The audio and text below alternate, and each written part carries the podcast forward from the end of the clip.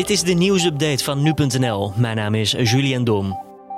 Bij een Nederlands coronapatiënt is een herbesmetting met het virus vastgesteld. Dat zegt viroloog Marion Koopmans maandag tegen de NOS.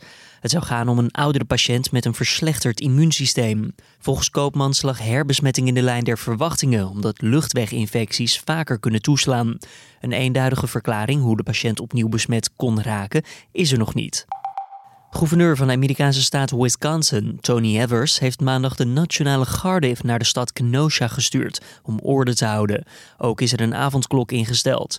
In de stad is het onrustig nadat de 29-jarige Jacob Blake zeven keer in zijn rug werd geschoten door agenten toen hij probeerde in te stappen in zijn auto. Zijn drie jonge kinderen zaten op de achterbank en zagen het gebeuren. De politie van Kenosha heeft in een verklaring laten weten dat agenten reageerden op een melding van huiselijk geweld. Het is onduidelijk wat er vooraf ging aan schietgeweld. Bij het instorten van een appartementencomplex in de Indiase stad Mahat is minstens één persoon om het leven gekomen. De lokale autoriteiten schatten dat er ongeveer 30 mensen onder het puin van het gebouw liggen. Doordat eerst de bovenste drie etages het begaven alvorens het hele gebouw instortte, hebben enkele personen zichzelf in veiligheid weten te brengen. De oorzaak van het instorten is onbekend, maar mogelijk hebben de zware moezonregens in het gebied daarbij een rol gespeeld.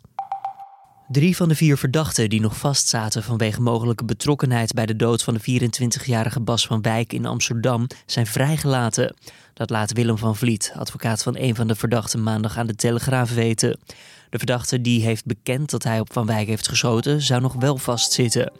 Van Wijk werd op 8 augustus doodgeschoten toen hij mogelijk wilde ingrijpen vanwege diefstal van het horloge van een van zijn vrienden.